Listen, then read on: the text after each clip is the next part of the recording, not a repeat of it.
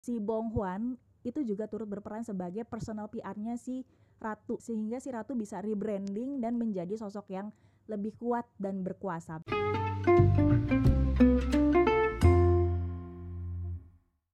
Halo semuanya, selamat datang kembali di podcast PR 101 with Ratri. Ngomongin episode baru, ternyata kemarin gue baru sadar bahwa podcast ini sudah mengudara tepat satu tahun. Wow, mohon maaf nih. Jadi karena setahun kemarin menelurkan 16 episode, semoga di tahun ini akan lebih banyak episode yang isinya lebih daging dan tentunya juga memberikan pengertiannya lebih jauh tentang dunia PR dan tentunya dari sudut pandang pop culture.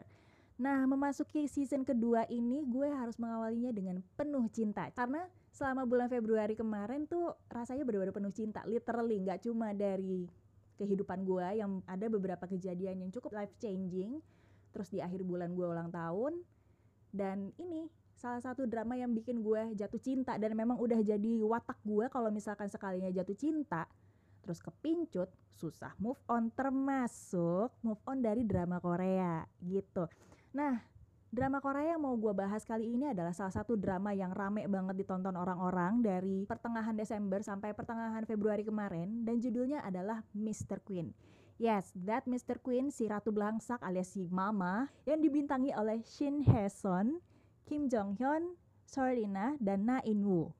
Nah, kenapa sih gue sekepincut itu sama Mr. Queen? Karena yang pertama-tama ketika gue tonton, gue kan memang tim ongoing ya kalau nonton drama. Di setiap episodenya tuh never have a dull moment with Mr. Queen. Karena seger banget. Selain mempunyai jalan cerita yang cukup segar, terus tokoh-tokohnya unforgettable, dan meskipun genre saguk alias historical dan bercampur dengan fantasi terus juga time traveling ini kan juga udah sering ya tapi Mr. Queen ini memberikan flair yang beda dan dikemas ringan sehingga orang tuh mau banget ngikutin dari awal sampai akhir nah yang pengen gue bahas dan apa hubungannya sih dengan dunia PR well yang menarik adalah di Mr. Queen ini mengajarkan bahwa reputasi yang buruk itu bisa balik lagi kalau digarap dengan baik dan yang menarik adalah eh nggak cuma di dalam dramanya tetapi juga beyond the scene itu yang menarik Nah, ngomongin soal sinopsis Mr. Queen, Mr. Queen ini bercerita tentang seorang koki di rumah biru atau The Blue House di Korea Selatan bernama Chang Bong Hwan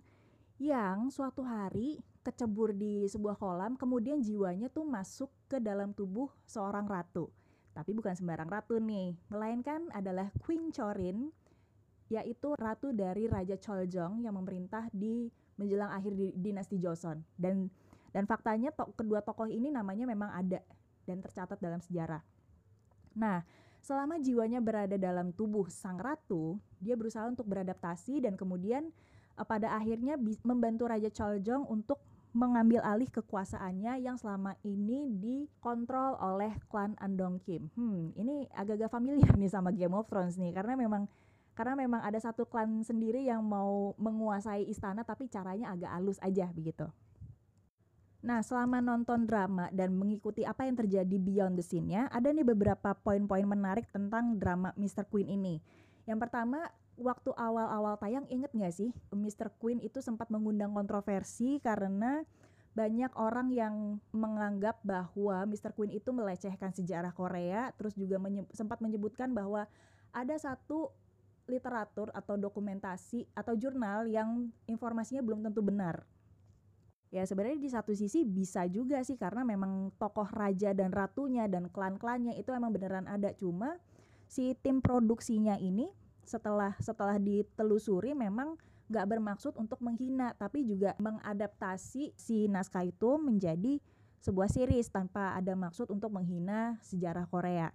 Nah itu sempat heboh banget dan sempat sempat diboykot ini dramanya bakalan lanjut apa enggak biasanya di awal-awal.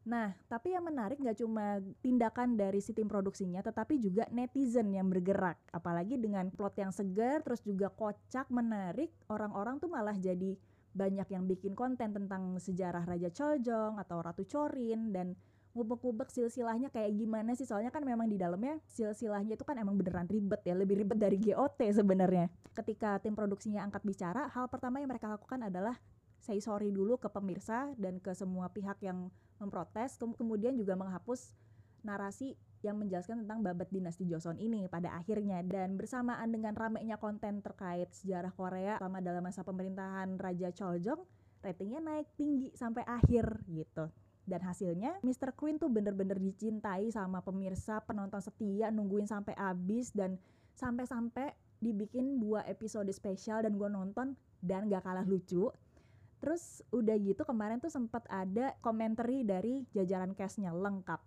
jadi ya kalau misalkan sebuah drama mau sukses, mereka harus mendengarkan they truly listen to the fandom itself. Nah, kemudian apa yang terjadi dalam dramanya dan aspek kehumasan apa sebenarnya yang bisa diambil? Sebenarnya ada beberapa. Yang pertama adalah kemampuan adaptability si Bong Hwan selama berada di dalam tubuhnya si Ratu Chorin, yang nama aslinya adalah Kim So Young, berasal dari Andong Kim. Nah, jadi pada awalnya ya namanya juga orang baru masuk ke tubuh baru kelaminnya beda pula kan otomatis shock dong apalagi orang orang yang selengean banget kayak Bong Hwan gitu kan Bong memang diceritakan sebagai tokoh yang selengean cerdik playboy banget gitu. Tahu-tahu masuk ke dalam tubuh ratu di zaman Joseon pula. Jadi kan shock lah dia awalnya denial. Tapi kemudian uh, semakin lama dia semakin mampu beradaptasi dalam tubuhnya terus tubuhnya sang ratu terus kemudian juga um, bekerja istilahnya dalam tanda kutip bekerja sama dengan jiwanya sang ratu yang ada di situ. Karena ada satu kejadian yang membuat jiwa sang ratu akhirnya balik lagi gitu. Pokoknya susah susah sih dijelasinnya. Kalau misalkan mau mengerti lebih jauh ya tonton aja ada di view. Eh tapi by the way ini gue nggak disponsorin sama view ya. Tapi kalau mau boleh tap in. Nah, set begitu si Bong Hwan udah bisa beradaptasi, terus juga kerja sama sama jiwanya si Ratu, akhirnya dengan percampuran sifat itu menjadikan si ratu sosok yang lebih kuat dari sebelumnya. Karena memang di awal drama sosok aslinya si ratu ini kayak rapuh gitu terus pasrah, stres sampai kayak mau bunuh diri makanya si ratu nyebur ke danau gitu ceritanya. Nah, kemudian meskipun si ratu yang udah ada jiwanya Bong Bong Hwan ini udah udah gesreknya ampun-ampunan terus juga selengean pokoknya bukan tipe putri-putri istana deh tapi dengan sifatnya seperti itu justru bikin sang raja jatuh cinta akhirnya kebucinan sama si ratu kan. Dan itu semua dilakukan tanpa si ratu harus mengungkapkan jati diri aslinya bahwa ada jiwa orang lain yang ada di situ. Gitu. Jadi aspek kehumasan yang bisa diambil dari sini adalah si Bong Hwan itu juga turut berperan sebagai personal PR-nya si Ratu sehingga si Ratu bisa rebranding dan menjadi sosok yang lebih kuat dan berkuasa di akhir drama.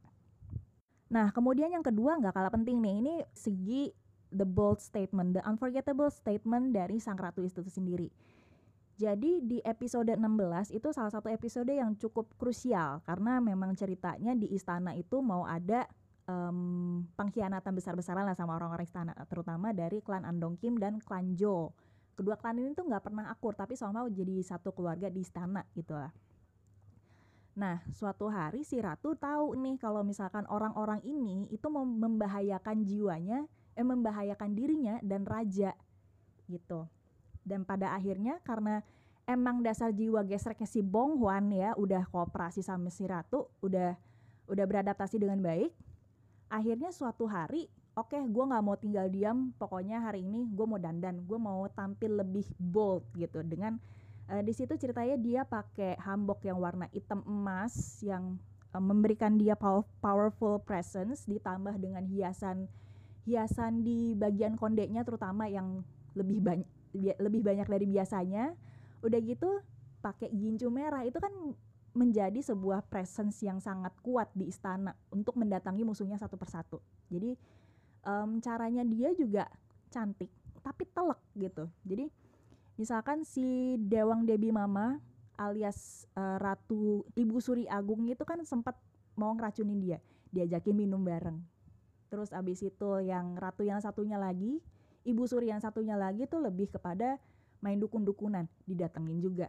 Terus kemudian ada menteri-menteri jahat diajak ngeteh tapi tapi diancam juga lu jangan macam-macam sama gue gitu. Jadi hikmahnya di sini adalah um, the bold PR move makes a long lasting mark jadi pada akhirnya mereka-mereka ini jadi kayak ah ini si ratunya nggak bisa nih ditipu begitu aja. Jadi gue mesti muter otak gimana caranya supaya menggulingkan sang ratu dan raja. Kemudian yang ketiga ada reset dan representation it matters. Dan juga di saat yang sama si ratu itu menghandle sebuah krisis yang cukup krusial jadi ada satu episode yang menceritakan sang raja itu mengadakan sebuah festival lah, festival gue lupa persisnya apa dan dan kebetulan tuh mengundang beberapa pemerintah dari wilayah tetangga yang ternyata putri-putrinya itu lolos seleksi jadi selir. Nah selir-selirnya ini nih jadi gengnya si ratu juga ternyata jadi kayak um, apa namanya jadi membuat sekutu dari situ. Nah tapi di acara pen, di acara puncaknya justru makanan kagak ada bun jadi bahan-bahannya ketika dibawa ke istana itu entah kenapa entah kenapa tuh kayak dibajak sama mungkin orang salah satu orang suruhan oknum di istana. Kemudian kemudian yang lebih parah lagi koki-koki istana dan anak buahnya itu diracunin sehingga mereka tuh nggak bisa masak. Nah, untungnya di situ si ratu alias si Bonghuan keluarlah tuh sisi chefnya. Jadi uh, mau nggak mau, suka nggak suka, oke okay, ubah resep, kita pakai bahan yang ada. Pokoknya um, bahan bah untung untung bahan-bahannya tuh ada yang representatif ya. Jadi misalkan si pemerintah dari wilayah A itu bawa bawa bahan apa ya dipakai buat buat mas buat masak mengolah makanan di situ. Dan akhirnya ketika masakan itu udah jadi terus di di presentas di di present ke tamu-tamu yang datang ke acara makan besar itu rajanya juga nyebutin bahwa ini kami menghadirkan menu ini yang melambangkan ini terus kita menambahkan buah persik dari wilayah ini karena memang uh, best quality-nya ada di situ. Jadi saya harap hidangan-hidangan representatif ini bisa memperkuat hubungan multilateral kita. Itu kan sebuah cara yang cerdas untuk untuk e, menghargai tamu terus juga menghandle krisis dengan cara yang cerdas. Oh, dan jangan lupa ada salah satu franchise yang disebut di sini di drama ini. Tapi caranya juga unik banget gitu. Jadi research and representation dan krisis yang dihandle dengan kemasan yang menarik itu bikin orang kayak terkesan gitu. Dan lagi-lagi biang keroknya Pongwan alias sang ratu. Nah terus yang terakhir ada yang gak kalah penting adalah teamwork. Jadi kerjaan PR itu nggak cuma dihandle satu orang, pasti ada teamwork yang yang terlibat di situ menjelang akhir-akhir episode ini si raja kan disangka udah wafat, udah mangkat gitu kan. Padahal sebenarnya sih masih hidup, tapi e, melarikan diri lah dari istana. Nah, si ratu nyariin dan ternyata si raja ini ditolong oleh salah satu pemeluk donghak alias pemeluk Katolik lah di situ karena memang pada zaman itu agama Katolik udah mulai masuk nih ke Korea gitu. Si raja dan ratu udah ketemu di markasnya para pemberontak ini mereka berencana supaya uh, si raja mau si raja mau masuk ke istana. Tapi caranya gimana supaya nggak ketahuan? Apalagi kan pengawasan semakin ketat ya. Apalagi ketika uh, menteri perang itu dipegang oleh lagi-lagi klan Kim gitu kan. Klan Kim yang kejam itu kayak klan Lannister. Jadi akhirnya um, si mereka mereka ini langsung rembukan terus berencana mengkodeta istana. Terus akhirnya setelah rencana itu dibeberin si ratu bilang oh ini PR move nih. PR dia tuh literally ngomong is it a PR move terus kan otomatis orang nggak ngerti kan PR itu apa apalagi di zaman Joseon kan apalagi rakyat biasa rajanya aja kagak ngerti. Karena dalam rencana itu diungkapkan bahwa Pi langsung masuk ke istana melalui gerobak makanan gitu. Jadi jadi ada triknya sendiri lah nah di sisi lain karena si ratu itu kan uh, di dalam di dalam istana juga punya alliance ya yang tadinya merupakan cinta pertama sang raja sekaligus saingannya dia selir gitu. Tapi si selir ini aslinya baik. Jadi si ratu ini sempat ngasih tahu si selir bahwa sebenarnya raja tuh aslinya masih hidup gitu. Terus eh, tapi lu jangan ngomong-ngomong dulu ya masih di embargo gitu katanya. Tapi begitu ada rencana si um, raja dan ratu mau kembali ke istana si selir ini kan udah keluar nih dari istana, udah nggak jadi selir lagi. Jadi dia itu bikin selebaran terus disebar di kota-kota yang menyatakan bahwa sang raja itu sebenarnya masih hidup. Jadi um, meskipun dan dia itu menempelkannya secara anonim nggak pakai embel nama apa apa padahal dulu tuh nggak ada media loh dan and it work gitu sang raja sang raja dan ratu kembali ke istana terus kudeta istana berjalan klan Andong Kim terguling habis itu ya sudah sejahtera. Dan pada akhirnya uh, dengan kerjasama yang kompak banget ini antara raja rakyat jelata terus juga yang dulu pernah mencintainya bahkan it hasilnya benar-benar ah, mantap gitu. Jadi uh, dan pada akhirnya setelah Bong Hwan kembali lagi ke tubuhnya yang asli dan Soyong juga eh, Soyong. Soyong tuh nama aslinya Ratu juga uh, tetap ada di sisi raja. Dia iseng tuh waktu abis keluar dari rumah sakit bukan keluar sih lebih tepatnya kabur dia tuh sempat ngecek ke perpustakaan. Uh, terus habis itu dia nyari pemberitaan tentang si Raja Choljong. Nah yang keluar adalah prestasi-prestasinya si Raja Choljong bersama Ratu Chorin. Gitu. Padahal kan sebelum sebelum dia balik ke masa lalu dia kan taunya Choljong itu tuh raja cabul lah pokoknya yang raja boneka segala macam. Eh nggak taunya citranya berubah. Nah hikmahnya di sini adalah reputasi Choljong di masa depan itu eh, ceritanya ya di drama itu tuh udah berubah jadi lebih baik dan reaksi orang tentang kalau denger Raja Choljong tuh udah langsung positif gitu.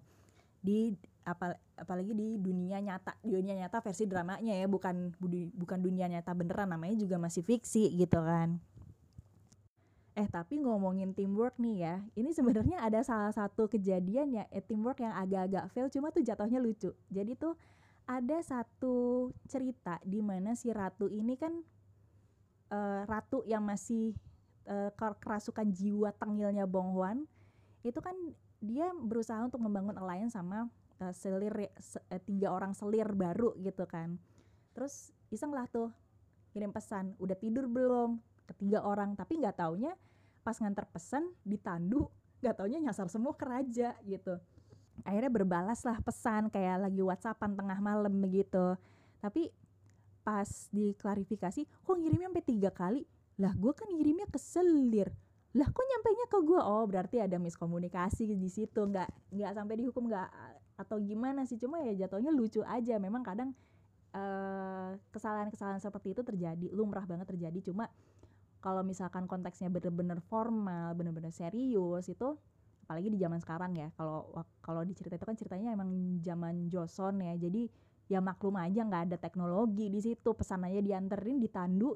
Tapi kalau misalkan di zaman sekarang ya jabarkan dengan baik lah kesalahan yang terjadi habis itu oh ya udah kita move on dari situ kita atur strategi lagi gitu Nah, segitu dulu Yorobun podcast di episode kali ini. Semoga kalian enjoy dan jangan lupa dengerin season satunya kalau misalkan kalian rindu suara gua mengudara. Dan hopefully kita akan berjumpa lagi di udara sesegera mungkin karena sebenarnya ada topik yang menarik sih dari pop dari fandom yang lagi happening gitu. Jadi sampai ketemu dan bye bye.